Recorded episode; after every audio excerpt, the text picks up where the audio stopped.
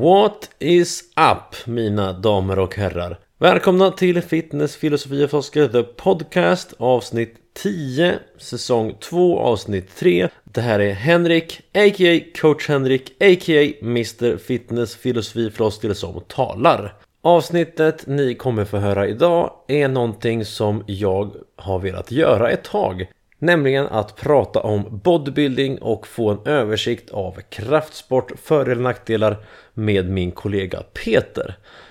Peter har tävlat i de flesta sporter, han är lite äldre än jag. Han är uppvuxen som en slags andra generationens styrketräningskonnässör då hans pappa var ganska inbiten i gamet.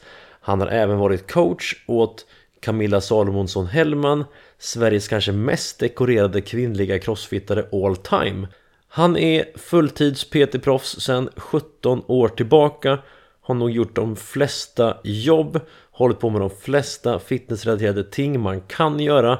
Dessutom har han det här charmiga spetsintresset att han är som ett slags uppslagsverk om bodybuilding. Världens kanske mest missförstådda sport som då för oss samman. I samtalet så lyfter vi fram vanliga svenska kraftsporter såsom då Bodybuilding, styrkelyft, crossfit, starkeman och annat Och jag försöker få fram någon form av fördelar, nackdelar, hälsoperspektiv, tävlingsperspektiv och problematisera lite grann kring vad det innebär, vad man får ut. Det är förstås övervägande positivt att hålla på med styrketräning av olika former och här hoppas jag att vi går in på djupet om vad det kan betyda även mer långsiktigt.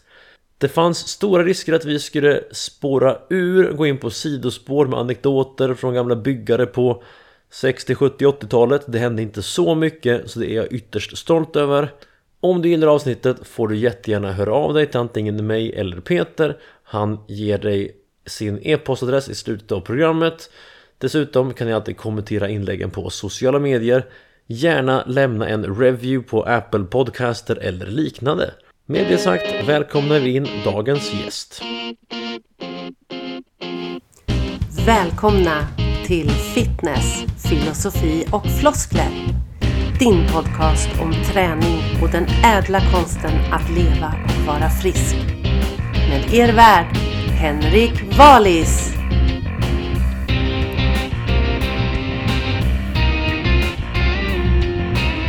Alright gott folk. Välkomna tillbaka till ännu ett avsnitt av Fitness, filosofi och floskler The Podcast.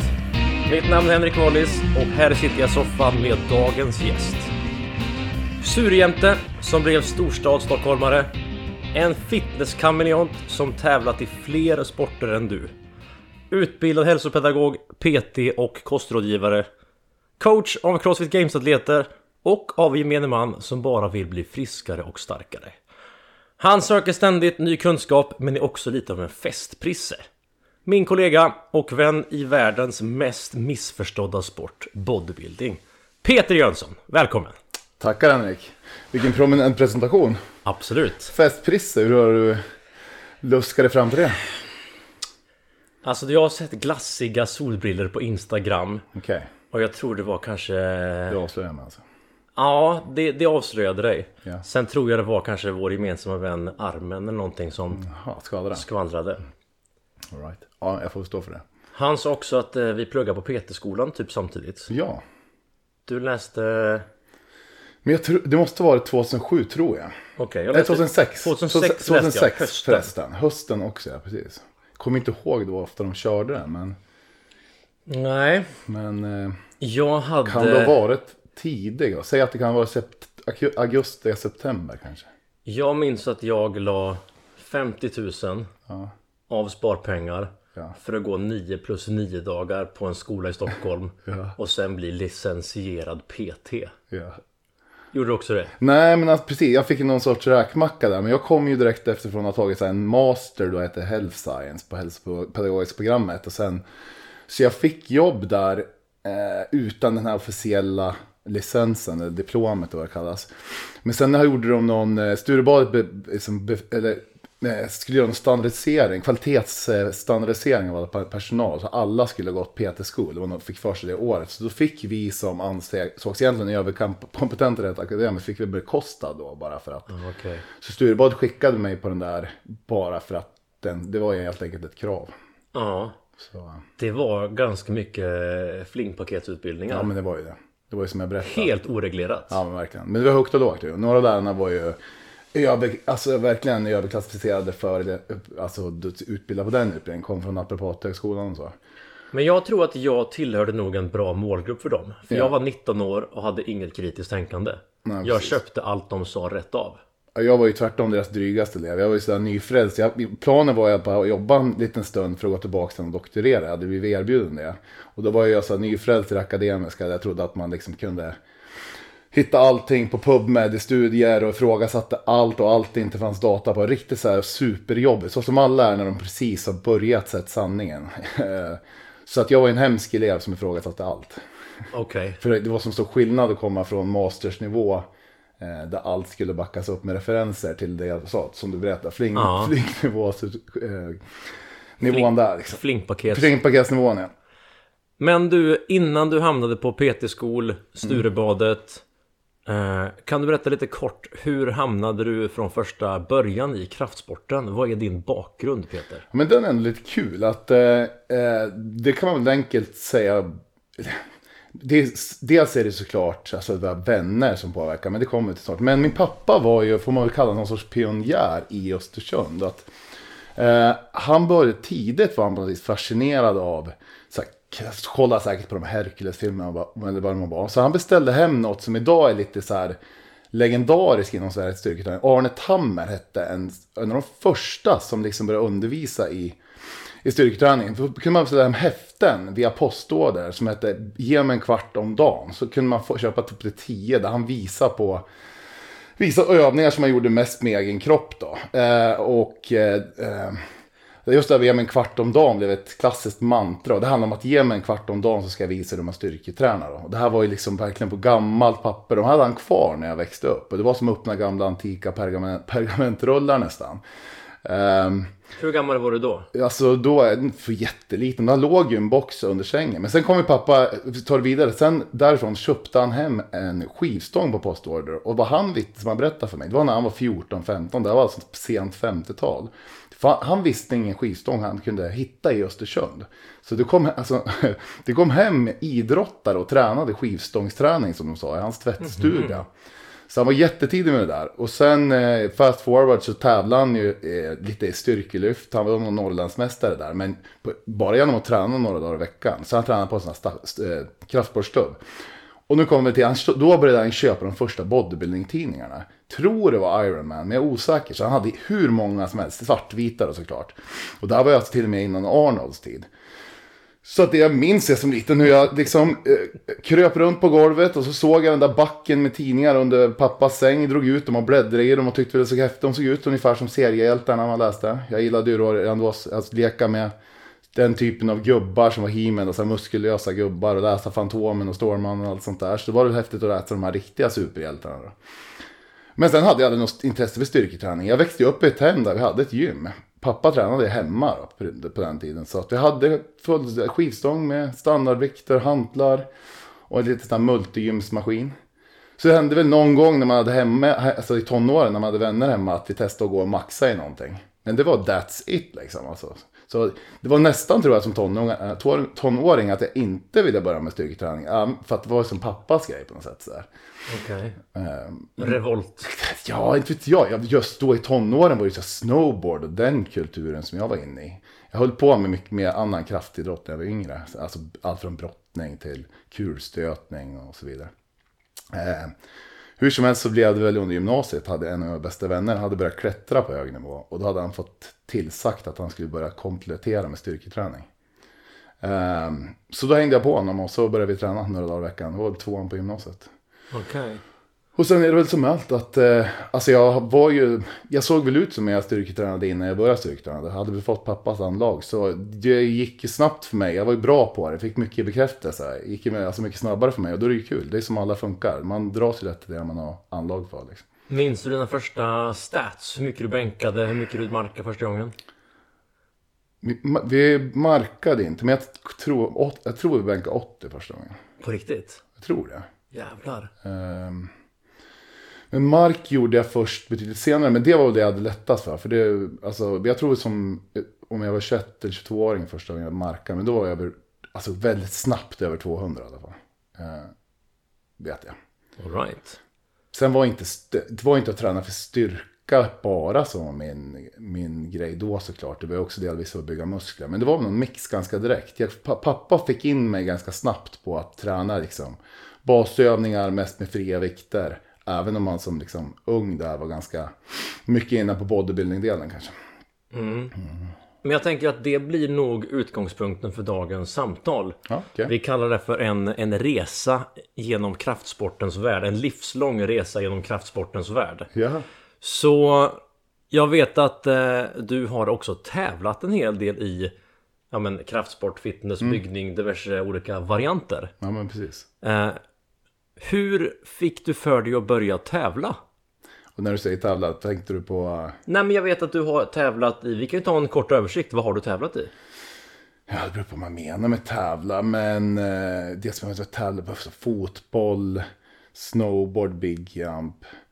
Eh, kulstötning var jag faktiskt norrländsk mästare i som 12-åring. Men det tyckte jag var svintråkigt. Men någonstans där kan man väl se om man kollar resuméet att jag hade som anlag för någon form av kraftsport. Då. Kanske delvis också baserat på att jag var tidig i växten och sådär. Så man hade en fördel så. Eh, sen har jag tävlat, om vi kommer mer, sen är det säkert en del andra beroende på hur man räknar nivå, den typen av lagidrott och så som ung. Men sen har vi kommit till lite grann då, apropå med bodybuilding som du är nyfiken på. Så ja, men bodybuilding, athletic fitness, mens fysik, classic bodybuilding. Eh, det är väl de, alltså inom krabb, det vi kan kalla, eh, vad kan man kalla det som samlingsnamn? Fitnesssporten kanske vi kan kalla. Ja. Så det är väl egentligen allihopa som var Crossfit? Eh, Crossfit beror på vad man menar. Jag var som mest varit med i Open eh, de år jag verkligen satsade. Men det var lite där som... Och det var ju skitkul. Jag hade verkligen ambition att, att satsa på det. Men med det som till slut ledde ett diskbrock började göra sig till känna. Så jag fick avbryta två Open-satsningar. Sen med ett diskbrock som var väldigt traumatiserande. Och sen dess har jag behövt tänka om med min träning. Det kan man komma in på senare. Ja, I vilken ålder behövde du tänka om? Ehm, det här var alltså 2015 va? Precis. det 34. vara. Ja, precis. Exakt. Okej, så det var diskbrock som fick dig ur tävlingen? Det kan man väl säga. Ja. Precis. Och sen dess då? Nu vill jag veta här eh, hur du ser på eh, kraftsport och liksom olika fitnessdiscipliner idag. Och det tänker jag är bulken av dagens samtal. Med reservation för många sidospår, anekdoter, rövarhistorier i största allmänhet. Ja. Vi tar fitness kraftsport, pratar fördelar, nackdelar, hälsoperspektiv och tävlingsperspektiv. En sport i taget. Så vad kan vi säga om bodybuilding, Peter? Vad har det för fördelar och nackdelar? Ja, men precis. Alltså det, man måste väl liksom eh, smalna av frågeställningen egentligen lite för att jag ska kunna ge ett adekvat svar. Men eh, det beror ju på vad menar vi bodybuilding när vi tar det till det som det är spets och det är som tävlingsgren. För det är något vi ska ha klart för så är det att tar vi en sport som fotboll så kommer de allra flesta som inte bara håller på en termin, de kommer tävla i det genom att spela match. Det är som en naturlig del av sporten. Eh, bodybuilding är en sån grej att eh, det är ytterst, ytterst få som... Det, det är kanske, om vi tar grabbar på ett gym som är intresserade av att bygga muskler och se ut som någonting åt bodybuilding-hållet. Så kanske det är, säger vi, 10% som ens vågar uttala för sig själv och sin omgivning att de ska tävla. Och sen är det kanske drop-outen där till folk som verkligen tar sig hela vägen upp på en scen. Den är också stor va. Så det är ju en sån sport, så pratar vi liksom tävlingsdelen eller mer träna utifrån bodybuilding-principer. Så blir det olika svar. Då tänker jag så här. Om bodybuilding för mig är då träning med kosmetika som huvudfokus. Ja. Oberoende av om du vill tävla eller inte. Bara liksom träna för kosmetika. Eh, större muskler, lägre kroppsfett är väl generellt. Ja men precis. Då skulle jag säga att fördelarna med det, och det kan vi också sen komma in på hur man kan använda dem i all annan sport. Det är väl att eh, Eh, givet ett klokt upplägg så är det någonting jag tror du kan göra hela livet och dra nytta av. Alltså det, om man anammar en princip där att man ska göra liksom max, skapa maximalt stimuli med minimal vikt så kommer vi liksom inte utsätta leder och kropp för lika stor skaderisk eller bara slitage. Man kan ju träna på ett väldigt bra sätt men över en livstid är det ändå risk att man åker på skador. Så på så sätt så även om man sen senare upp i åren inte står och gör sina övningar bara för att forma en kropp eller så. Så tror jag att det är principer som man kan ha väldigt mycket nytta av för att må bra i kroppen. Um, däremot att livslångt liksom bara använda bodybuilding för att vara estetiska och jaga en viss lukt. Det tror jag väl på något vis kan leda till ja, men ganska mycket störningar. Det är väl det vi kan komma till och se på mer bodybuilding som sport och ta det hela vägen till scenen. Och där brukar jag ofta säga att är det inte en person som verkligen har fallenhet och rätt psyke för det så brukar jag inte ens rekommendera att man ska göra det. För att ja, många personer, även om de bara gör det en enda gång, tar sig upp på scenen och kanske då lyckas. Ofta särskilt kanske om de lyckas. De kommer i jättebra form, de mer eller mindre deffar som man säger och alltså egentligen bränner bort allt underutsfett så kommer de för resten av sitt liv, har jag sett det så många gånger, jag har coachat väldigt, väldigt många atleter i sporten, de kommer sen få en störd kroppsuppfattning och de kommer se sig själva som feta när de egentligen eh, by all means egentligen har bara en sund och till och med en ganska låg kroppsprocent fett. Så alltså man kanske man kan må bra av att försöka liksom träna för att se bättre ut. Men att ta det hela vägen till sport tror jag att många långsiktigt inte mår bra ut. Jag har sett så många att som sen, det leder till att de sen slutar träna och tio år senare så ser de sämre ut än när de började träna och kanske inte mår så bra mentalt heller. Så det kräver både rätt person och rätt sinnelag för Men vem är rätt person? Alltså vi har ju ändå longevity-exempel. Ja, ja. Vi kan ju droppa, I don't know, jag föreställer mig att Ove Rytter och Frank Zane ja, ja, men precis. ändå har behållit viss jag tror att det är en väldig skillnad mot om du ska prata dem som började på 60-talet mot personerna idag. Där, alltså, Arnold gick inte direkt in i omklädningsrummet som 18-åring. Han började ju tävla där någonstans i sena tonåren i Österrike. Han gick inte in och tog en, en bild och la upp på Instagram och sen liksom gick väldigt mycket av hans bekräftelse ut på de kommentarer och likes han fick där. Han kanske inte ens hade massa bilder på sig. Eh, dessutom började nästan, det kan vara en liten direkt att spara på anekdot, att visste du de första bodybuilding-tävlingarna gick till? Att man faktiskt gjorde något annat än att spänna musklerna. Inte i bodybuilding? Nej. Det var faktiskt så att för att, för att ens få vara med på de första så var du tvungen att kunna visa upp en atletisk kvalitet. Så man kan strikt säga att nästan alla som tävlade kom antingen från så gymnastiken, styrkelyft eller tyngdlyftning eh, eller någonting i den stilen. Skulle man både visa upp till exempel ett en stöt, alltså en frivändning, en överstötning. Och sen var det fritt poseringsprogram. Mm -hmm. Så uh, Arnold kommer lite från både styrkelyft och tyngdlyftning. Så de här hade, men det kunde vara att man gjorde fristående armhävningar och sen, sen var det posering. Va? Så de kom från en helt annan grund där det liksom var atletisk träning i grunden. Det är också bara att kolla på världens mest kända eh, bodybuilding-film som, eh, jag vet inte om den finns på Netflix fortfarande, men Pumping Iron. Um, och se hur de tränar. Så ser man att visst, man står där i cable crossen och gör eh, så här flies för bröstet och pumpar det och de liksom står mm. Men de gör ju också liksom, basövningarna, lägre reps för att bli starka. De tränar ju mycket mer som atleter. Fast forward 40 år så är det en helt annan kultur inom sporten. Okej, okay. så någonting hände under tidsresan? Absolut. Ja. Om vi tar mer moderna ting och semimodernt åtminstone. Ja. Um, Bland de första fitnesssporterna jag kände till ja. Det var athletic fitness. Ja, För bodybuilding var, det var så långt från min verklighet. Jag var ja, men 19-20 någonting år Och jag insåg att jag kommer inte bli så här vulgärt stor utan mm. dopingpreparat ja, Och så fanns athletic fitness Som hade någon form av styrka, någon form av kondition. Och det var ändå ett rimligt atletiskt uppnåbart ideal. Mm. Vad, är, vad är atletik fitness för någonting? Ja, man får väl då snarare säga var. Eh, det är en sport som man kan säga i grund och botten då så innehåller det en, eh, en, en rond där man står på scenen då likt en bodybuilder. Fast det är inte i sådana stringkalsonger utan i som en som har speedos-shorts kan man säga. Så man döljer den övre delen av låret då så att säga. Och det, man döljer rumpan då. Och så visar man upp fysiken i något som kallas semi-relaxed. Att man står liksom och egentligen bara spänner upp sig men är mer naturlig på. Och så får man visa sig från framifrån, sida och bakifrån. Och så bedömer egentligen domarna Alltså hur, hur muskulös man var men framförallt symmetri. Så här kunde liksom en mer symmetrisk vacker fysik slå en mer bulkig fysik. Men lite av tjusningen kommer härnäst då. Att man, det fanns inga begränsningar på hur stor eller liten man behövde vara. Det fanns inget riktigt ideal. Det det handlade om var att sen kunna vara relativt stark kan man säga.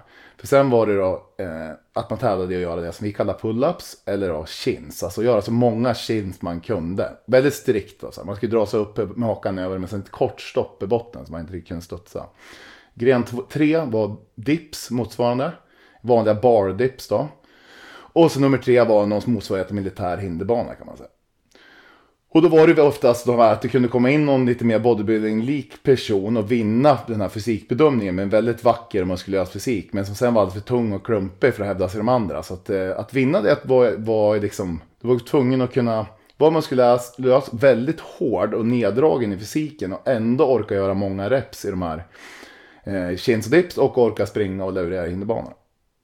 Så mm. jag tycker det är en ganska kul sport. Man får på något vis säga att Eh, det var det närmaste crossfit vi kom idag. Och om vi tittar på hur eliten, eh, vi tar någon som de flesta känner till, Rich Froning i crossfit. Han såg ut väldigt mycket som de bästa crossfit, eller athletic fitness killarna gjorde. Jag skulle säga att verkligen den typen av fysik som var den bästa. Då. Um, och nu är vi tidigt 00-tal. Ja, precis. Som jättekort story då så eh, var det så att Ove Rytter startade igång det här som en tävlingsform. Jag tror att det var väldigt mycket att skapa en sorts så förebilder för ungdomar. Det var alltså under tennisveckan i Båstad.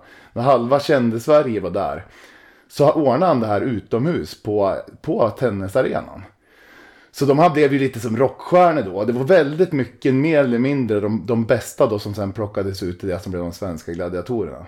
Jaha. Nästan allihopa som var med omgång två, förutom några av bodybuilders som Roger Saff och Johan Oldenmark. De kom från Athletic Fitness. Då.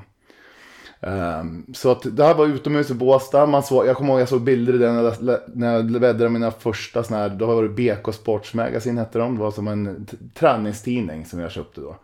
Så såg de där, stå där utomhus på Centercourten i Båstad. Där var jag sent 90-tal och då började man drömma att det där skulle vara kul. Och jag hade väl bara börjat träna något år och börjat få... Det var någon som sa att jag skulle kunna tävla i något som hette Athletic Fitness. Jag bodde ju fortfarande i Östersund då. Det fanns ingen sån kultur där. Så man, liksom, man såg ju det där bara eh, som något som skedde i en annan del av Sverige. Och det var sen när jag flyttade ner till Gävle för att plugga som man hade en helt annan träningskultur med jättemånga som tävlade i Athletic Fitness och bodybuilding. Det var då jag kom in på det kan man säga. Men det låter ju ändå som en ganska bra form för vet, ett livslångt friskt liv. Verkligen. Jag tycker det är en rolig sport. Ja, alltså relativ kroppsviktstyrka och lite uthållighet. Ja. Du har eh, kondition, mm. någon form av liksom I don't know, risk, motorik med hinderbana. Ja. Och sen vet jag att roddmaskinen tog över av logistiska skäl gissningsvis. Ja, i alla fall på mindre tävlingar så vart det så. Och, och några gånger när de inte fick till det med hinderbanan. Då var 500 meter rodd på tid. Eh, ersättningen några gånger. Och det så var det på min första tävling faktiskt. För den bedrevs ju som i, under en konferenssal. Decembercupen hette det. Mm. Där var det 500 meter rodd. Och det var den där jävla rodden som gjorde också att jag förlorade med en poäng. Eh, för jag ramlade av rodden. det är sånt där man aldrig kommer glömma. 22-årig grabb hade tävlingsinstinkt. Så, men eh, precis, då var det rodd. Men sen har jag ju tävlat i hinderbana. Det var ju mycket roligare. Mycket roligare. Ja. Mm. Och hur är det att tävla? Ja, liksom gå på diet, bry sig om hur kroppen mår, eh, skala av underhudsfett och sånt där? Ja, det var nu, alltså just inför Athletic Fitness var det väl speciellt, men eh, eh jag tyckte personligen, jag hade, behövde aldrig gå på så låga kalorier för att bli hård.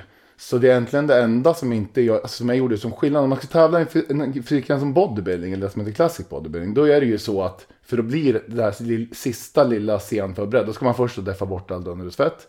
Men sen är det ju så att man kanske sista dygnen slutar dricka vätska, man tummer, äter inga kolhydrater för att få det man kallar en torr look. Och det är helt enkelt för att få så lite vätska som möjligt som ligger under huden. Och det, man ser helt enkelt hårdare ut då. Men då tappar man ju energin. Men för mig så var det ingen skillnad på de här grenarna i hur mycket jag deffade ner mig. Utan skillnaden var bara att inför en Athletic Fitness-tävling så åt och drack man som vanligt. Kanske till och med ladda på lite mer kolhydrater, likt andra prestationsgrenar. Så då var det snarare att man ville må bra, se bra ut i kroppen men må bra. Så svårigheten i det var att du var tvungen att vara fruktansvärt rippad i grunden. För att, för att man skulle vara hård och ändå kunna liksom äta mycket kolhydrater och vätska i samband med tävlingen. Man kunde liksom inte rädda upp formen med det här att hålla på strypa vätska och salt och kolhydrat sista veckan. Just det. Så.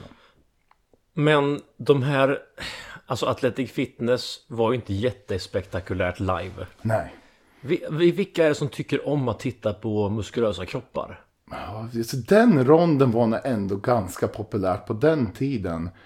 Tror jag. Men det var nog mer prestationsgrenarna alltså, eh, som, som då intresset flagnade för. Och det här är ju det många crossfit-tävlingar kan ha problemet med också. Att det kan vara svårt att bedöma vem som ligger vad. Det är massa, massa personer som håller på samtidigt och utför massa prestationsgrenar. Så många gånger kan det logistiskt och arrangörsmässigt vara svårt att få till det bra för både atleterna men också för åskådarna. Ja. Men det var på den tiden jättestort att åka och kolla på bara bodybuilding. Eller så. Många blev, jag tror att vi återigen hamnade, det fanns inte sociala medier och det här digitala på samma sätt. Så det var en jävla inspiration för många att åka och se den här typen av personer. Fast sen åka på gymmet och bygga sin egen fysik. Eh, Jag tror nog att det där intresset har falnat mycket. Nu sitter nog många mer som är intresserade av en sån här sport. Bara väntar på att tävlingen är över och sen kommer alla bilder upp på, eh, på nätet sen. Och mycket bättre bilder, mycket närmare än vad man såg i publiken också. Så eh, jag tror det delvis. Men på den tiden var det väldigt mycket mer populärt. Eh, och åskådarmässigt. och då pratar vi 00-tal kan man säga. Och sen kom eh, Crossfit. Ja, Och i min värld är väl typ det en av de första sporterna som kanske fick mer liksom eh, publik eh, kännedom liksom. ja. Den var helt enkelt lite mer folklig. Eller den blev Och internationell också. internationell kanske. De började ju göra försök där och det blev ett EM och VM i Athletic, Athletic Fitness. Eh, som de hade i Spanien och försökte få dit. Och de fick dit några, någon från Estland och från Litauen och Norge och Danmark. Men då fick det som aldrig att bli något större. Så, här. Så, så Crossfit är en helt annat. vad, vad är då Crossfit för någonting Peter? Ja, men, alltså vad det är som träningsform eller vad menar du? Ja, Ja, det är den eviga frågan. Jag tycker inte man får den lika mycket nu, men eh, jag har ju varit med sedan det kom till Sverige kan man säga. Och då fick man ju ofta den frågan.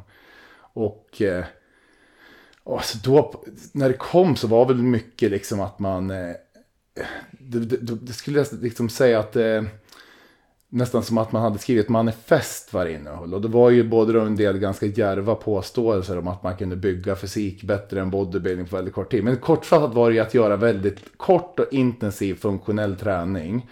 Mycket av liksom det man sålde in Crossfit med i början var att träningspassen kunde vara så korta som fem minuter. Eh, men det var en mix då av gymnastik, tyngdlyftning och konditionsidrott kan man säga. Mm. Och han som liksom gr- grundade det och kom på namnet, han var ju en, en, jag vet inte hur duktig gymnast han är, men jag tror han var på skapligt hög nivå som skadade sig. Och då, om jag tror det var under rehaben, så började han ha med skivstång och skapade då ett pass, pass där man liksom mixade en övning som heter thruster, som är som en knäböjpress i kombination med pull-ups i räcket. Och så jag tror jag att fick alla gymnasterna att göra det där. Så kortfattat, det var väldigt mycket det. All, I början var egentligen så, så här, alltså jag måste bara tänka, hur svarade jag 2008, 9, 10 när folk frågade mig vad crossfit var? Då, är ju, då visste ju inte gemene man vad det var. Då, då, då ibland var jag ironisk och svarade då så här. Logga in på crossfit.com. Det som står nu på första sidan att du ska göra, det är crossfit. För det var så nästan alla tränade.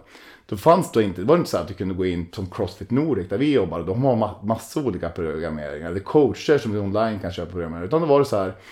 Man loggade in.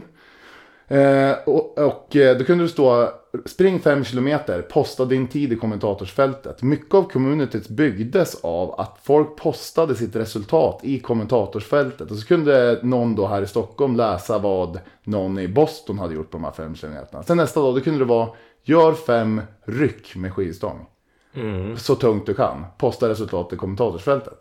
Nästa dag kunde vara, kunde det vara att göra med en typ av cirkel, kombinera tre övningar. Det var vad Crossfit var i början. men då har vi rört oss från kosmetika till hård absolut prestation. Ja men precis. Mätbar i liksom Extremt reps, mätbar. set, vikt, Ja. tid. Och där säger du någonting. Alltså, det, det var mycket mer så i Crossfitens linda. Alltså att allting skulle maxas, allting skulle kvantifieras, mäta och publiceras. Varenda box hade en stor, stor whiteboard där man skrev upp de som hade de bästa tiderna, resultaten i varenda övning du kan komma på. Idag är det inte alls lika mycket så. Idag tränar man ju mer som professionella idrottsmän på högsta nivå. Mm. Men vad är då fördelar och nackdelar med att liksom vi rör oss eh, mot det låter spretigt, det låter varierat. Mm, verkligen. Vad skulle vara för och nackdelar med att ha mer varierat gymnastik, kondition, styrka? Alltså, eh, det är egentligen inga. Allt beror ju på, på hur man liksom applicerar. Eh, det, men eh, om du tänker, alltså, grund och botten så fick ju Crossfit mycket kritik för dels att det varit väldigt mycket skador. Det var ju inte såklart verktygen i sig fel, men det var ju mer att folk började göra alldeles för svåra saker utifrån sin kapacitet. Och det fanns inte kompetens bland gemene coacher att hitta progressioner och göra analyser vem som skulle göra vad. Så det var ju mycket skador i början, det fick mycket, eh, mycket liksom bashning från det. Ehm, och sen så var det väl mycket att, att han Greg Glassman som startade hade ju sådana, alltså, jag vet inte uttrycket, bold statements. Eh, mm. Att liksom just att det här var den bästa träningsformen som fanns oavsett om du vill bli en superatlet eller bygga muskler. Han menade att det var bara bodybuilding med steroider som slog crossfit med, eh, för att bygga muskler. Bodybuilding utan steroider, det förlorade mot crossfit för att bygga muskler. Och här, här bäddade han ju för att få kritik, kritik från coacher inom alla andra idrotter såklart. Va? Ehm, men med, om vi kan ta bort de där, de där uttalandena så, så om vi tänker mer så här att på den tiden så kanske det vart för spretigt som du sa. För att folk blev bra initialt men sen stagnerade de då nästan i allt. För att man kanske inte hade förmågan, eh, det är så här, den teoretiska kompetensen för hur man skulle lägga upp träning. För någonting med det sagt så är väl crossfit på alla plan en av de mest komplexa idrotterna man kan hålla på med. Alltså bara idrottspsykologi som är ett ämne som jag faktiskt pluggat lite i sig. Är komplex om du bara håller på med tyngdlyftning. Hur du ska approacha och slå, skapa påslag. Rycket kontra stöten. Det är en väldig skillnad hur mycket, mycket aggressiv man ändå ska bli inför det. Om vi bara tänker det här ska du lägga om på så otroligt många saker, eller olika utmaningar i crossfiten. Så bara idrottspsykologiskt är det jätte, jätte avancerat om man ska bli riktigt bra. Och sen då såklart den kravbild du har på kroppen. Men vad jag förstår så svarar människor väldigt bra på crossfit-träning typ första halvåret. Ja, Men sen så eh, stagnerar man eller liksom når en platå. ja. Hur förklarar vi det? Alltså i början så är det väl så här att personer svarar bra på eh, alltså de områden där man tidigare inte har ex- exponerat sig. Ja, Men har du till exempel inte, om till exempel bara lyft, eh, Eh, ditt likt styrkelyftsträning så att säga. Då kanske du till och med kommer bli bättre på den för att du kanske då får en mer gedigen grundträning. Du kanske helt, helt, helt plötsligt får in mer bålträning som du tidigare inte har gjort. Du bygger en mer komplett fysik. Till den, här, den ökade syreupptagningsförmågan och allt som är eh, relaterat till konditionsträning kanske gör att du klarar att träna hårdare. Så du kanske faktiskt blir lite bättre på dina styrkelyft initialt som du tidigare var bra på. Men det kommer ju stagnera ganska snabbt. Kortfattat, du kommer bli bra på allting som du tidigare inte försökt stimulera. Men sen kommer det väldigt snart, så som du säger, det avta. Eh, sen kommer det alltid vara att någonting som man har genetiskt väldigt enkelt för så kanske man fortsätter bli bättre. Eh, och det är det hela förklarar. Vi har all, alla någonting som man inte behöver träna så mycket som alla andra för att fortsätta bli bra. Men crossfit växer ju fram ganska folkligt ändå. Det blir ju väldigt internationellt. Och vi tog ju stolthet vid att building better humans. Eh, vi pratade om eh, the stimuli should vary by degree, not by kind. Så även fast du inte ville tävla så skulle alla träna explosivitet till exempel. Ja. Så vi pratar om så här, crossfit för tävling och crossfit för hälsa, må bra. Vad är det för skillnad? Eh, cross, jag, ta frågan igen. Jag menar att crossfit för, vad är som är skillnaden på? Crossfit för att tävla Ja, ja, okej, okej. eller crossfit för att bara må bra? Hur är det annorlunda? Ja, men det är ju, en, det är ju väldigt annorlunda. Alltså, då vill jag ändå säga att där skiljer sig inte Crossfit från annan sport. Eh, Det är bara det att Crossfit idag har etablerat sig som en sport. Alltså den är, kravbilden är enorm. Atleterna tränar i samma träningsmängd som andra elitidrotter och så vidare. Och då har man för länge, länge sedan lämnat vad som är optimalt för hälsa. Eh, alltså man, man ligger oftast på gränsen. Man gör kanske saker som man vet sin kropp inte mår bra av. Men det tror jag alla, alla på högsta nivå vet om. Men man är ändå värd, värd att riskera det för, för att bli bäst i världen. Så att, eh, jag tycker inte det är ett argument mot någon idrott på de som blir världsbäst. Det är deras val. Liksom, så att säga. Men däremot går det att bedriva crossfit-träning och må väldigt bra av det. Och att många, må- som du säger, många mår bättre av det än vad de gjorde av sin tidigare träning. Mm. Vilka blir då bra på crossfit och vilka stannar där de är? Nu pratar vi absolut liten nivå. Där. Ja, vi- visst, vi kan väl ta liksom vil- vilka kan ta steget till att bli eh, ja, men, duktiga på gymmet, duktiga i sitt område, duktiga på Sverigenivå, världsnivå. Men du är ändå coachad Ja. Crossfit Games-atlet. Ja, men precis. Ehm, och då kan man ju säga först att som alla andra idrotter så, så som etablerar sig och verkligen, alltså, eh, det har många tävlande som har pressat gränserna så börjar man ju se att det är vissa kroppstyper som passar. Så det var ju allt ifrån att är du inte skapt rent anatomiskt så du till exempel har, eh, kan få till en ganska fördelaktig knäböj. Vi ser det här ganska upprätt. Har du världens längsta lårben, stela anklar som du aldrig kommer göra någonting åt. Så att du får en hopplös knäböj. Då är det diskriminerande och du kommer aldrig kunna bli världsbäst. Men om vi tar de här bästa som eh, Rich Froning, Matt Fraser. De har en sån kropp så självklart har de tränat upp sin rörelsekompetens. Sin rörlighet och allt och så vidare. Va? Men till viss del är det ren genetik. Hur är man skapt? Och där är det så. Man har vissa förutsättningar och det behöver vi inte gå in på exakt det. Men man, man bör ha vissa liksom, kroppsliga förutsättningar. Det är ju ena saken. Sen tror jag ofta att det är, och vad är en anledning varför amerikanerna var bäst i världen? Så de har kanske en ganska bred repertoar av idrotter.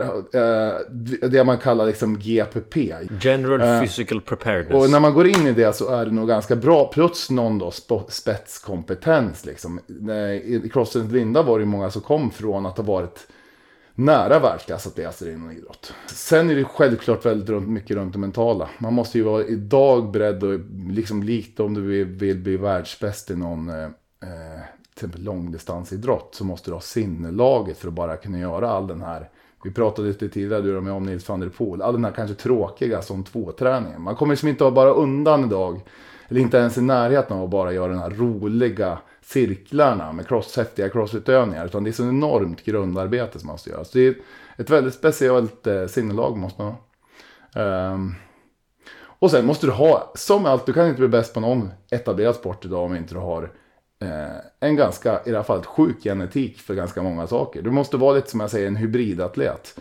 Att du både har förmåga att springa ganska fort på 100 meter men också ganska fort på en mil. Bara för att överföra det bara till löpning. Det här tycker jag är en ganska intressant grej. Jag lyssnade på en intervju med eh, Chris Hinshaw som är Crossfit-världens uthållighetsguru kanske. Ja, kan. Och han menar på att Crossfit är väldigt inkluderande i det att det inte selekterar superspecialister. Exakt så. Är du liksom av natur, ja men du är inte bra på sprint. Så du kommer aldrig liksom vara en bra anfallare i fotboll. Du kommer aldrig kunna köra sub 200 meter i OS. Du kanske inte är eh, superbra på liksom du vet Cooper-test i skolan liksom. Eller du kanske inte orkar springa som mittfältare jätte, jättelänge. Men då ser man ändå med, med killarna som var ja, men mediokra på det mesta. Inte bäst i kulstötning. Inte bäst på Cooper-test och inte heller bäst på du vet, eh, var vara först på boll i fotboll, hockey, sprint. Så då kan man ändå bli ganska bra på crossfit. Exakt så. Du kan till och med gå så långt och säga så här att just de genetiska kvaliteter som, som, alltså som ledde till att en person kunde bli världsbäst på, vi säger någonting väldigt eh, unikt, kunde springa 100 meter säger vi. Just den gentypen gör är också per definition det som gör att den inte kommer kunna bli världsbäst på crossfit. För är du en sån Alltså anomali är ju inte genetiskt. Du är liksom är en på tusen tusen i hur din så här, explosiva muskelfiberkomposition ser ut. Och du skapat. Så kommer du inte kunna bli tillräckligt bra på det som är på andra sidan spektrat.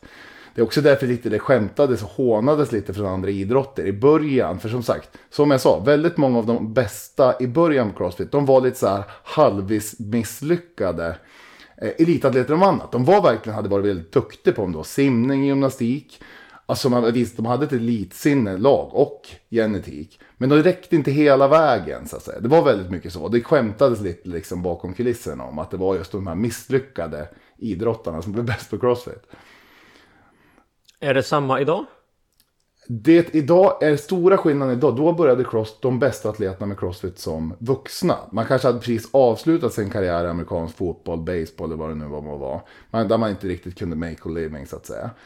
Idag kommer ju bästa, alltså det, det kommer ju en helt ny generation. Som liksom mer eller mindre börjar sin idrott med crossfit. Ja, just det. Vi har ju late versus early adopters. Ja, precis. Så det är ju en jätte, jätte Alltså jag ser killar idag som liksom gör bättre styrkeresultat än vad vinnarna gjorde på Games för tio år sedan. Som är liksom 18-19 år. Så um, ja, verkligen. Ja. Däremot så är det också kanske här som eh, Crossfit kommer få det ganska svårt. För nu när vi har en sport som styrs av early adopters snarare än late adopters. Ja. Så kommer det inte längre vara så spektakulärt från eh, Crossfit-VM till Crossfit-VM. För nu kommer ju inte vi ha de här branta kurvorna. Nej, precis. Liksom nu kommer det plana ut, eller? Ja, men så är det nog kanske. Absolut. Helt klart. Sen är det ju också det här med, med crossfiten. Den har ju också haft lite en liksom evolution. Vad, alltså vad är, vad representerar att vara bäst i världen på crossfit? Och det pratar vi rent utman, alltså vilka utmaningar man kastat på dem. Och här har det ju varit nästan hela vägen kokat ner till några personer som har suttit i USA och då bestämt vad ska, vilka utmaningar ska vi ge atleterna längs hela vägen för att kvala till då, det slutgiltiga stationen Crossfit Games. Och då hade vi ju en, en period när liksom kraven på rent absolut styrka Alltså hur mycket kan du flytta på en stång? Så liksom stegrade enormt där en period under 10-talet. Och så vidare. Så det här handlar ju om lite, det är ju också det luriga med Crossfit i och med att det alltid är olika utmaningar. Och då faller det också per definition av att man aldrig riktigt kommer veta vad som är optimalt nästa år. Det är ju en stor skillnad från om vi tar friidrottens tiokamp. Mm. Där kan vi mycket mer predicera hur, vad som är optimala för att göra till nästa år. Just det. Och baserat på hur stora årskullar som då eh, tränar på en viss nivå på juniorverksamhet så kan vi förutspå hur framtiden kommer att se ut och så vidare. Crossfit är ju lite lurigare på det sättet. Boom! Yeah. Det var inte meningen att drifta iväg så mycket på crossfit sidospår. Äh? Det är triggers, det är stödord. Ja. Peter, eh, vad är tyngdlyftning för någonting? Alltså det vi ser på olympiska spelen. Vad är det för tävlingsform? Eller träningsform? Eh, ja, tävlingsform så är det ju sammanfattat eh, den sport de flesta någon gång sett på tv. Där det går ut på olika sätt att ta emot en stång på raka armar. Eh, och idag så är det så att man hade två moment, ryck och stöt. Ryck så ska man ta en skivstång från golvet och ta upp den direkt till raka armar utan att mellanlanda på axlarna. Och sen har vi stöt då, som egentligen är en frivändning och sen en överstöt. Då vänder man upp stången från, som ett marklyft upp på axlarna och sen stöter man upp den på raka armar och får inte pressa. Och det kan väl berätta en rolig sak att förut fanns det en tredje gren. Då som man kallade press. Och då var det eh, en frivändning och sen kom man upp i fri, resa upp i frivändningen och sen skulle man då strikt pressa stången på raka Inte push, strikt. Nej, strikt ja. ja. Och eh, den togs ju sedermera bort. Och det, jag, jag kan inte komma med tvärsäker fakta. Men vad jag har förstått det som så, lite olika skäl. Dels var den otroligt svårbedömd. Atleten hittade alla möjliga sätt. Att man lutar sig bakåt, knixa med knät, allt möjligt för att momenta på stången. Så det var svårt för domaren att bedöma. Och det var väldigt mycket, alltså ryggskadorna var på en helt annan nivå då än vad det varit senare tyngdlyftning. Jag har sett bilder på det. Det, ja. är, det är någon konstig stående bänkpress. Ja men det är som man pressar sin överkropp bakåt samtidigt som stången uppåt. Så det nästan blir som en bänkpress lutandes luften utan bänk. mm. Sen så, som jag förstått det då när det gäller den svenska scenen, så när man tog bort den, tror det var på 70-talet, rätta mig med fel. Men det var i alla fall lite samband med det som powerlifting eller styrkelyft fick sin renässans. För det, det, är ju liksom en, en sport då, som inte alltid är lika, lika snabba lyft. Utan man gör knäböj först, bänkpress sen och eh, marklyft som tredje gren. Och, och eh, just det med att bänkpressen blir som någon substitut där, lite för pressen i tyngdlyftningen. Så som jag förstår det så lite de som var, liksom, hade pressen som favoritmoment gick ju över till styrkelyftet. Så styrkelyftet växte och idag är styrkelyftet väldigt stor sport i Sverige. Vi är väldigt, väldigt duktiga på det och väldigt många som tävlar i det. Mm. Men vi kan försöka hålla, red, hålla isär sporterna Mm. lite grann här. Om vi tar det, om en person väljer att eh, köra tyngdlyftning. Mm. Oavsett om det är tävling eller Mm. eh, bara för det är skoj. Vilka fördelar har en sport som tyngdlyftning? Men den alltså har ju fördelen att du tränar liksom explosivitet, någonting som eh, framförallt för äldre idag är jätteviktigt. Det man ser över tid är att man tappar mycket av de explosiva typ 2-muskelfibrerna. Och det har ju till och med gått hela vägen till att man rekommenderar framförallt äldre idag att ta med det en del av sin träning. Sen behöver inte det vara tyngdlyftning, men så det, det är väldigt nyttigt. Men sen har du det här unika med att du samtidigt jobbar med någonting som är otroligt motoriskt svårt. Samtidigt som du, har, du ställer mycket krav på rörligheten. Så kan man liksom bara ha, jag brukar säga så här. Eh, att, att träna för att bli, hela tiden vara väldigt stark i tyngdlyftning och progression. Det är tufft för kroppen. Jag brukar skämta om ibland att när man är på en tyngdlyftningstävling och de kommer in domarna som är de gamla ärrade Eh, ja, ärrade tyngdlyftarna så kommer de med kryckor och permobiler och allt möjligt med skadade knän. Nu överdriver jag, men det finns någon sanning i det. Att det liksom är livslångt hela tiden försöka hålla uppe sin överstöt på jättesiffror. Att hålla dem på en lagom nivå är ett, är någonting annat. Men, det vill jag, men, men att bara tänka så här att jag vill med min stång kunna uttrycka de här rörelserna. Alltså att kunna ta en stång med brett grepp och ta emot den i en overhead squat. Och sen motsvarande då i en frivändning till överstöt. Att ha det som länge som möjligt. Kravet att jag ska kunna göra det snabbt, smidigt och göra rörelserna korrekt. Så kommer jag hela tiden se till att hålla min kropp i väldigt bra fysisk form. Och så, och så att det är en fantastisk sport. Och när övergår den till att bli mindre fantastisk ur liksom ett eh, livslängdsperspektiv? Ja men det är just där om du hela tiden tränar för att liksom lyfta tyngre och tyngre vikter. Och överlag utsätter din kropp för att du dagligen lyfter tunga vikter. Um, alltså istället för att kanske någon dag i veckan försöka gå tungt. Men annars bara kunna se värdet i att kanske bara med en tom skivstång stå och försöka göra över sådana explosivt, vackert, snabbt. Så. Men det krävs ju en viss mognad. Jag tror generellt att människor som är uppvuxna med specialidrott Som har haft sin liksom, sitt liv i källargym Och fått bekräftelse för liksom ganska specifika grejer Kan ofta vara svårt att lämna en sån sport Medan liksom mer folklig idrott kanske har lättare till eh, långsiktighet och att liksom ta det till rimliga nivåer, typ korpen. ja. Hur är det där liksom med tyngdlyftning, styrkesport? Men jag, där, det tror jag är en sån, just eftersom sporten ställer så höga krav så, som är, så tror jag det är en sån sport, så för de som verkligen har varit på högsta nivå och satsat så är det väldigt lätt hänt att när man kanske avslutat sin karriär 30-35 års åldern, där man märker att det absolut mest explosiva börjar gå ner Om man kanske har börjat få ont i sina knän säger vi, det är väl en av de vanligaste problemen inom tyngdlyftning. Så kanske det är lätt hänt att man lämnar den helt. Eh, det kanske inte är något kul att gå från att ha stött 160 till att inte våga göra det på över 100. Men om man mer har kunnat gjort det med lite andra mål i sikte så tror jag man kan fortsätta ganska långt upp i åldrarna.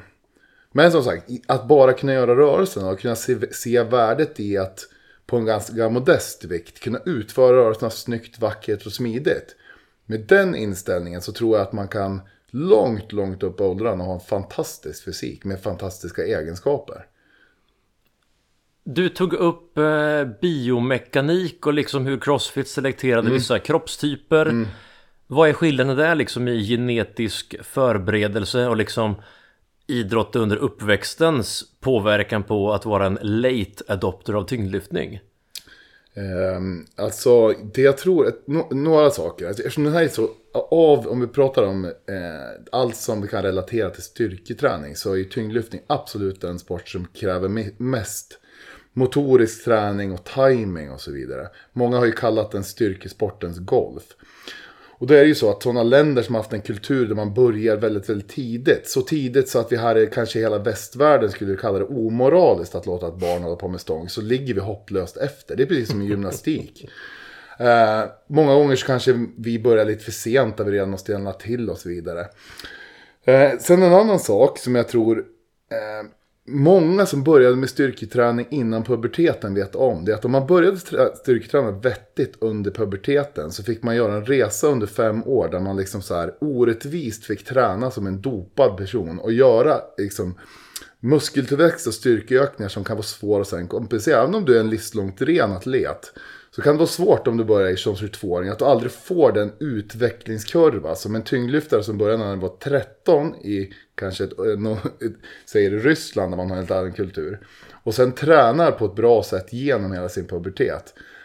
De är oftast extremt starka och välväxta redan som 18-åring. Och Man kanske inte alltid ska vara så snabb och skylla på doping. Faktiskt. Så många pratar om att man liksom, om man har gått miste om den där tiden så kan bara det vara svårt att make up to. Ja, men okej vi säger då, du sa att en tyngdlyftares karriär vanligtvis tar slut 30-35 när kanske knän börjar ta stryk Din rygg kanske tagit lite stryk Men framförallt så är det lätt att tappa liksom den explosivitet som behövs Ja men precis. När Usain Bolt gjorde tre OS Och det är väldigt särskilt i sprint Extra, exakt. I tyngdlyftning, hur många OS håller idrottarna för? Ja, alltså, det jag kan inte säga en expert. Men jag tror att det, mycket mer än två, tre är nog väldigt ovanligt. Det är väldigt ovanligt. Styrkelyft, Ja, det håller man längre för. ja. Precis. Och det har jag redan berättat med som var knäböj, bänkpress och marklyft. Man kan inte säga håller, men förutsättningarna att kunna göra till och med personliga rekord högt upp i åldrarna är ju vanligare. Särskilt i marklyft så. Styrkelyft då som liksom eh, träning för men, hälsa, in, inte tävla. Vad har det för fördelar? Ja, men samma där. Trä- alltså, om du på ett väldigt liksom, enkelt sätt vill träna hela kroppen så är det ju tre väldigt bra övningar om man utför dem korrekt. Så, och kanske liksom hela tänket runt, eh, om man ger sig in i styrkelyftens värld så, jag brukar skämta om att de bästa där, det är massa, ofta personer som kanske har pluggat på KTH till ingenjör och älskar att sitta med sina Excel-dokument. Det är absolut inte som många kanske tänker sig, en massa dumbommar som knappt kan räkna matte. Utan där kommer man in oftast i programmeringens värld och lär sig tänka i träningsplaner både på liksom vecko, månad och årsbasis. Va? Med procenter och tänk runt det. Och det finns mycket fint i styrkelyftet som många principer som man ser liksom eh, många nytta av i andra sporter. Men så är det tyngdlyftningen också. Definitivt. Jag tycker nog ett stort värde med styrkelyft och tyngdlyft Det är att det är kanske där när människor ser liksom styrkeövningar även som ett sportspecifikt moment Exakt. Att det kan förändra din träning Ja. Det är, liksom, det är inte längre bara träning för kosmetika utan det blir faktiskt Träningen i sig kan bli rolig Där folk kanske tidigare tränade för att Ja men jag vill se ut så här Det är maj, juni Jag vill eh, gå på stranden Eller jag vill det här och det här Så att liksom när själva Träningsmetoden också blir målet i sig ja, men precis. Precis. När blir det styrkelyft eh, mindre optimalt då? Vilka nackdelar har eh, fok- fokus på liksom mycket vikt på eh, bänk, bänkpress, benböj, marklyft? Ja men det är samma där. För att kunna komma upp på någon, alltså på någon bara skapligt hög nivå så måste du flytta helt enkelt så många ton i veckan. Vilket är för övrigt är ett väldigt vanligt sätt inom styrkelyftet att kvantifiera, mäta sin träning på veckobasis. Alltså man räknar helt enkelt ut hur många ton man har flyttat Eh, i respektive övning. Och så ser man det över tid i progressioner. Och det är många ton som ska till om du ska komma någonstans. Det kommer slita på kroppen. Sen klarar sig vissa bättre. Men jag vill ändå hävda att det kommer slita på alla förr eller senare.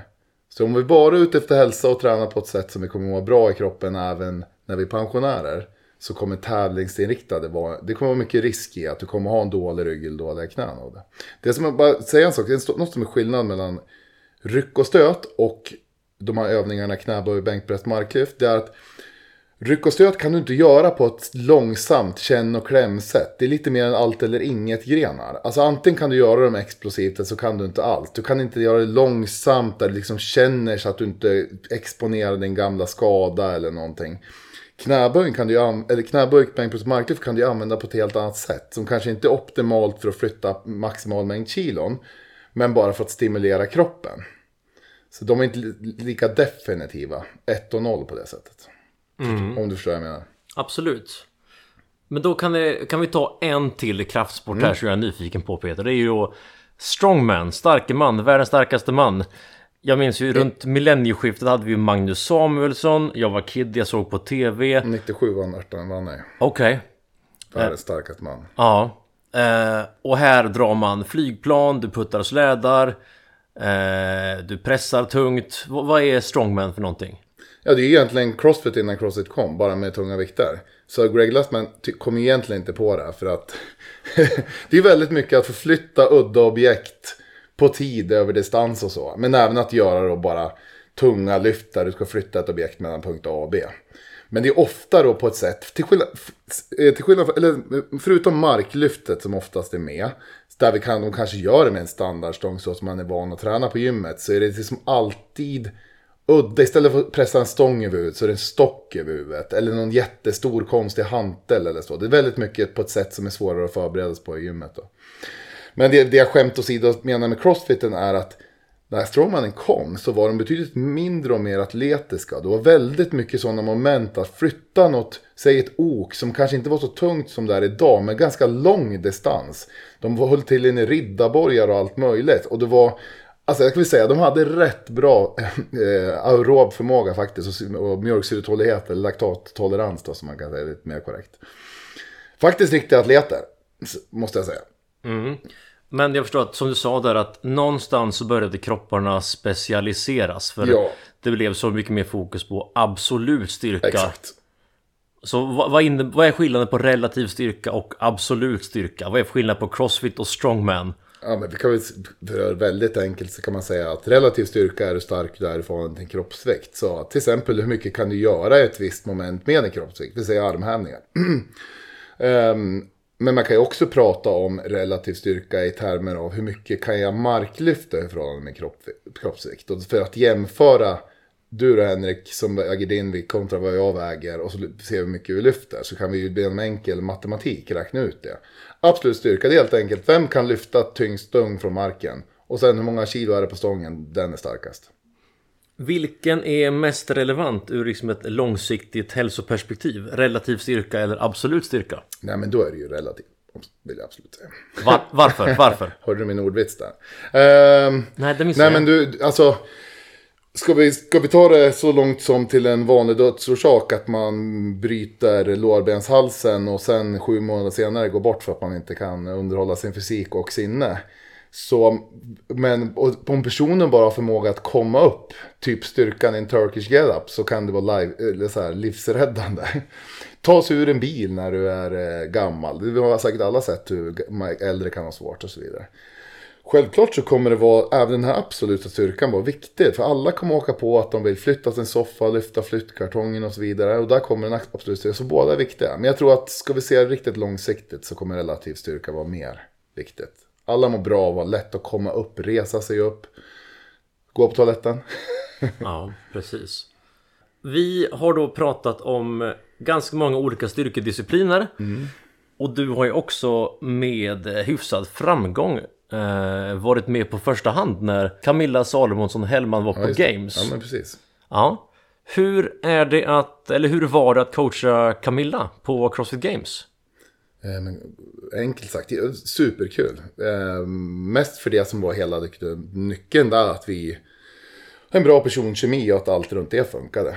För det blir ju väldigt intensivt. Alltså vi hade ju förmånen som jag tyckte gjorde det projektet lite speciellt. Det var ju för att jag, jag jobbade ju på gymmet när Camilla kom in och började med Crossfit. Och gillade henne direkt som person, härlig människa. Jag såg direkt att hon kunde vara extremt målriktad. Jag såg första gången hon tävlade att hon fick något svart i blicken. Så där bara som världsstjärnor kan få. Där hon höjde, höjde sig 20%. Hon gjorde saker som hon inte borde kunna på tävling. Och det är sånt är alltid häftigt med de här få som har den där knappen. Liksom. Eh, men samtidigt kunde uppskatta så mycket annat här i livet. Man kunde prata annat än träning med henne och det gillade jag. Så vi klickade på så direkt och sen såg jag hennes utveckling och Fast forward så, när hon frågade mig om jag ville vara med och hjälpa henne så då tränade hon ju mestadels på Nordex. Då hade jag ju förmånen både att vara med och jobba med programmeringen, även om inte jag gjorde hela den, utan var, var med och modifierade och anpassade den. Men jag, liksom, jag såg henne ju träna nästan dagligen och kunde liksom på daglig basis observera och eh, ja, peppa och coacha och sådär. Så det var ju en väldigt kul resa, men det tar ju mycket tid och energi. Vi hördes väl mer eller mindre sju dagar i veckan nästan kan man säga. I ett.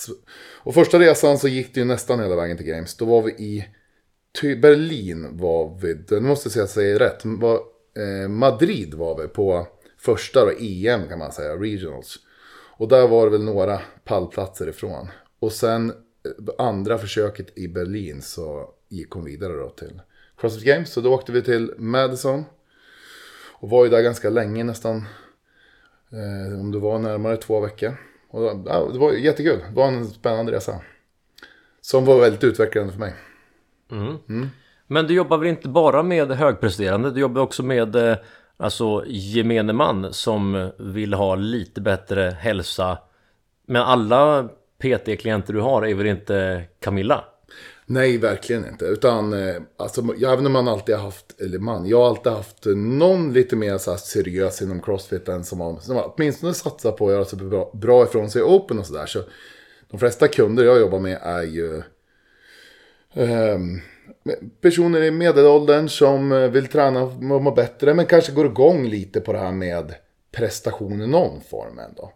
Som det kanske kan vara lite annorlunda med många kunder som jag har äran att ha på Crossfit Nordic kanske om jag jobbar på någon annan, någon av gymkedjorna och sådär. Sen om det är någonting som är Crossfit-relaterat eller så, det är inte alltid säkert. Men sen utifrån min utbildning och vad jag specialiserat, specialiserat mig på så har jag ju en del klienter som är raka motsatsen. Som i värsta fall så har jag haft en kund som kommer in med fem diskbråck, utdömd att aldrig kunna lyfta en vikt i sitt liv och behöva göra det. Och vara med och jobba med mer rehabdelen är någonting som jag också tycker är väldigt kul.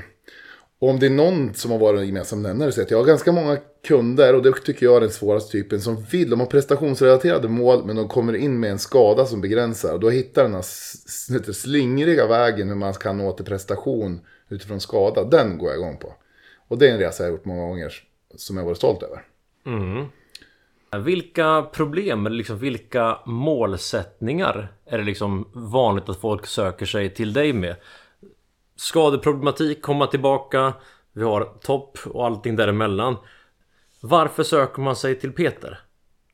Ja, alltså det, det skulle jag behöva sitta liksom av, av de jag jobbar med nu och skriva ner. Men jag, jag tror ändå faktiskt att, att, vara, att en skada eller att komma vidare i en skada. Man kanske har gått hos sjukgymnastik men kommer sen inte hela vägen till att kunna springa. Det kanske ändå är vanligast om jag bara ska summera antal klienter. Så en hel del så, jag tränar ju även några sjukgymnaster men några som de, de har blivit nästan bra, men inte riktigt. Sen är det absolut en del klienter som, som i grund och botten har gillat att träna kanske, men som har tappat träningen och initialt bara ber om, eh, ber om hjälp för att hitta tillbaka till träningslusten och regelbundenheten i träning. Kan inte, kan inte sjukgymnaster hjälpa med sånt där liksom? N- när går man från sjukvård till friskvård till prestationshöjande träning? Det kan de ju självklart göra. Det behöver ju inte ens ha någonting med sjuk- sjukgymnasternas eller fysioterapeuternas kompetens att göra. Det kan ju mer handla om kontexten. Sjukgymnasten får som träffa personen tre gånger efter en operation eller traumaskada. De kanske inte på så här veckobasis som jag har möjlighet att över tid träffa en person. Så det är ju nummer ett. Sen är det ju de facto så att ibland så, den utbildningen kan inte täcka hela vägen från att vara smärtfri. Men att kunna gå från att vara smärtfri i knät att sen bygga upp, säg det, den, de kvaliteter som krävs för att kunna göra en studsad frivändning som ställer väldigt höga krav. Det är liksom, det är som kan man inte ha med. Då kanske du behöver träffa en fysioterapeut som har gått utbildningen plus vidareutbildningar och dessutom har ett intresse för tyngdlyftning i alla fall. Vill säga. Så det, det är väl många gånger där jag och några av mina kollegor som också har har liksom kompetens inom fysioterapi eh, kan komma in lite unikt känner jag. Det är just att gå, gå från där man egentligen har avslutat sin rehab. Men man kanske ändå inte har en kropp som är redo för riktigt hårda krav. Okej, okej. Och där är det ganska skönt att ha en tränare. Det tycker jag med. Vare sig det är att fasa ut vissa beslut om eh, träningens när, var, hur, i vilken ordning, på vilken nivå. Ja, Ganska svårt att vara objektiv med sig själv. verkligen. Men nu vill jag prata om mig Peter, för jag har det ändå här. Ja, Och jag är tillräckligt självisk och målmedveten för att ändå nyttja din erfarenhet och kompetens här. Eh, hur ska jag göra med min träning? Jag vill ju fortsätta träna crossfit, kanske göra en veterantävling någon gång. Min hälsa är viktig. Och jag vill också se bra ut naken. Vad måste jag tänka på nu vid 36 års ålder? Eh, fyra axeloperationer.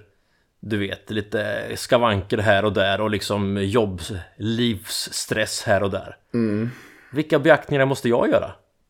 Ja, alltså egentligen så tar det ju emot när du bara att skjuta fritt i luften med massa, eh, massa åsikter. Vi skulle behöva sätta oss och gå igenom det lite mer noggrant om du vore en kli- klient. Jag har ju direkt att det här skulle ju föranledas av ett ganska långt samtal innan vi, men om vi bara så här, vi kan mer kortfattat prata lite, lite från principer hur jag skulle tänka. Du ska alltså göra en klassiker, eller det en... vad- Du sa Ja, det är en svensk klassiker. Svensk klassiker. Det händer nu, absolut. Just det, ja men precis. Och då, då är ju så här, nummer ett, då tänker du vad utöver den träning, alltså vilken träning utöver det, så, vill du ha tips om det? Eller vill du ha tips relaterat just till cyklingen, löpningen och simningen? Jag vill göra flera saker Ja, samtidigt. få med allt det andra. Då skulle jag tänka så här nummer ett då. I och med att om du nu har någon form av ambitioner när det gäller de här, vi kan kalla det konditionsmomenten. Så är det ju på dem du ska bedriva mestadels av den träningen. Eh, så det mesta, bör, det mesta konditionsträning bör bedriva på löpning, simning och cykling. Av flera skäl. För att vänja kroppen. Man ser att ju mer du gör en viss aktivitet, ju mer energieffektiv blir kroppen på det. Springer du samma milsträcka tio gånger så kommer du förbruka lite mindre kalorier att göra det.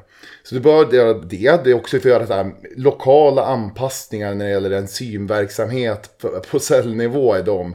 Alltså du kan inte bli världens bästa löpare bara genom att, träna rodd. Du måste träna det grenspecifika också. Så att, det- men det här sköter ju du med din kunskap. Så där så lägger du upp din liksom, grunden i det vi kan kalla eh, kom, vi kan kalla konditionsrelaterade kompetenser. Då. Vi pratar om anaerobt, anaerobt och laktat och så vidare. Va? Allt det där har ju du koll på. Sen om vi ändå ska lämna den själva, eh, dina kapaciteter som behövs just grenspecifikt så kan det ju vara en bra idé att behöver du få in mer volym. Vi var in pratade om det här med zon 2 och så vidare. Då kan ju någonting som en, vi säger en assault bike eller någonting finnas plats för bara för att det inte sliter så himla mycket muskulärt. Löp, om du känner att du börjar bli trött i underbenen av all löpning men du behöver ändå få jobbet gjort så att säga. Det, det möjligen skulle jag säga, men det, det är en fråga. Men sen när vi kommer till hur du ska styrketräna kroppen. Då skulle jag tänka väldigt mycket så här att Eh, vad, dels, hur måste jag balansera upp kroppen? Du kommer ju använda höftflexorerna, alltså höftböjarna väldigt mycket i de här idrotterna. Det är säkert en bra idé att bara generellt ha med någonting för bålen, det som håller bäckenet på plats, alltså bålträning. Även allting av den bakre delen av kroppen, rumpa. I och med att du inte sprintar kanske så mycket så det kanske du inte blir lika mycket stimulerad där. Så jag skulle ha en viss sånt tänk. Bara rent hur mycket volym får jag på kroppen. Men sen framförallt så skulle jag tänka när det gäller vi kan, eh, eftersom vi pratar mycket styrkesport, jag skulle göra det som inte du gör, eh, alltså på gymmet om vi säger så, skulle inte jag göra det du gör i löpspåret. Alltså jag skulle inte sikta på att bli bäst, bäst öka min 30 reps förmåga i backsquat. Utan jag skulle snarare försöka öka min explosiva och maxstyrkekvalitet. Så att du helt enkelt får ut mer av varje löpsteg för att du har mer, mer liksom eh, potential där. Så jag tycker det ett vanligt misstag, vill man köra Vasaloppet så ska man inte stå och göra eh, pushdowns med rep för triceps på gymmet. Utan kör frivändningar och knäböj och sånt. Som gör att du bygger mer kapacitet i arbetande muskler. Men som är ett typ av stimulus som du inte får ut i löpspåret. Förstår du vad jag menar? Mm. För du har ju bara en viss träningsbudget. Du kan ju inte göra hur mycket som helst. Och sen så skulle jag för det här att se bra ut. Då skulle jag anamma, jag vill liksom sy ihop säcken här, bodybuilding-principer. Det här med maximalt stimuli med, med, med minimal kostnad kan vi kalla det här. Så om vi har den där totala budgeten som ligger i säcken som du kan plocka ut varje vecka och som din kropp kan återhämta sig ifrån. Då skulle jag inte ta så mycket ur den budgeten när det gäller att se bra ut. Så då skulle jag välja sådana här övningar som vi ofta kallar discoövningar. Och få in några sådana. Där du verkligen kan stimulera muskelmassa och se bra ut i spegeln. Men det, det är inte så kostsamt för kroppen. Det är lite så här generella termer. Det här är ofta för crossfit också. Behöver någon, alltså helt enkelt, och det är vanligt då, bygga upp muskler någonstans. Använd inte då alltid crossfit-övningar för det. Utan där kan man ta, ta liksom lärdom från bodybuilding. Ja, det var väldigt grova drag. Och som jag tycker är lite generellt hur man kan tänka runt träningen man gör på ett gym kontra sin idrott. Att det, gör det grenspecifika i din idrott och sen så tänker du på vad, hur du kan öka din kapacitet på gymmet. Så att säga. Men jag tror generellt det är liksom här vi Vi mer strength and conditioning coaches har En kompetens som Specifika idrottscoacher inte har För Exakt. det, det är lätt gjort att en kampsportstränare tänker Kampsport ställer krav på mjölksyratålighet i tre minuters ronder Så då ska vi ju träna högreps bänkpress För det är ju typ som att göra många boxningsslag Exakt. när vi själva kanske borde ha mer 1-3 RM explosiv kompetens, andra energisystem. Ja, och det finns en anledning till att den absolut mest, eller vad fråga dig så här. Vilken övning anser du är absolut vanligast förekommande inom all elitidrott med en skivstång? Benböj. Ja, det skulle jag också säga. I, och i, i, vet du det, med, i, i tätt så här efter frivändning. Oftast någon form av hängande frivändning. Så, och med, det, brukar ofta tas som exemplet att Tiger Woods var pionjär just med inkorporerad olympiska lyft eller tyngdlyftning. Och helt plötsligt alla gör det. Och det är klart att en explosivare höft kommer göra att man står längre. Och det här ser du nu i all idrott, även i långdistansidrott. Jag brukar också ge exemplet längdskidor, när vi pratar om liksom olika generationers atleter. Kolla på en Marit Björgen med hennes muskelmassa, den liksom kapacitet hon hade i musklerna kontra hur de såg ut på 80-talet. Styrketräning har verkligen kommit in och då har man genom att välja, där du just var inne på, explosiva och eh, ganska tung belastad styrketräning. Spännande. Du, är det någonting eh, du vill eh, ha som avslutande ord? Vi har pratat ungefär en timme. Är det något du vill avsluta med Peter?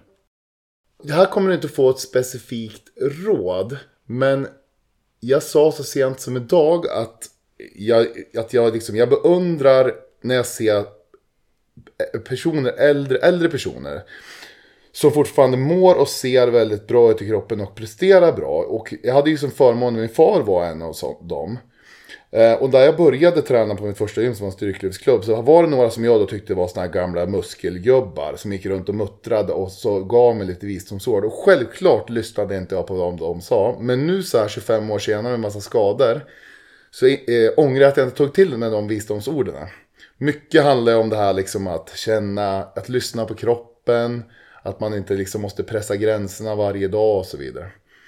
Men det, det, det är väl liksom någonting som jag själv ångrar. Att inte jag faktiskt tog bara lärdom om de som hade hållit på väldigt, väldigt många år. Och på den tiden som precis kommit från naturvetenskapliga gymnasiet bara trodde på forskning och det jag såg i böcker. Grymt! Tack! Du, hur kommer man i kontakt med dig? Om man vill eh, konsultera dig som eh, tränare Jobbar du online eller jobbar du mest i person? Mest i person. Ehm, självklart så finns det möjligheter online. Men man finner mig vanligtvis på Crossfit Nordic som är på eh, nära Odenplan i Stockholm. Eh, man kan gå in via Crossfit Nordics hemsida och eh, där söka upp mig via personlig tränare. Annars så... Det här säger någonting Henrik om hur tidig jag var på Crossfit. Jag har då adressen peter.crossfit.gmail.com jag skulle gissa idag så hade man behövt heta Peter understreck crossfit 1037B för att kunna ta den. så där kan jag också nås. Toppen! Ja, Ja men då har vi en eh, e-postadress som eh, kanske är lite utdaterad men låt gå. eh, och jag tackar för ett mycket givande samtal och en eh, historisk problematiserande resa genom kraftsportens främst goda ting. Tack så mycket Henrik. Jag ser fram emot våra fortsatta samtal i fikarummet. Vi säger så. Tack för idag gott folk. Vi checkar ut. Henrik heter jag, sitter där med Peter. Klockan är 2.23 på en tisdag och det är dags att gå tillbaka till jobbet va? Yes, Säger så. Tack och bock! tack. Då var avsnittet slut för den här gången. Vi är tillbaka om två veckor med ny gäst men med samma tema. Bygga starkare, friskare och friare människor. Allting börjar i gymmet. Skapa mer, konsumera mindre. Ni kan det vid det här laget. Hoppas vi ses och tack för att du lyssnat.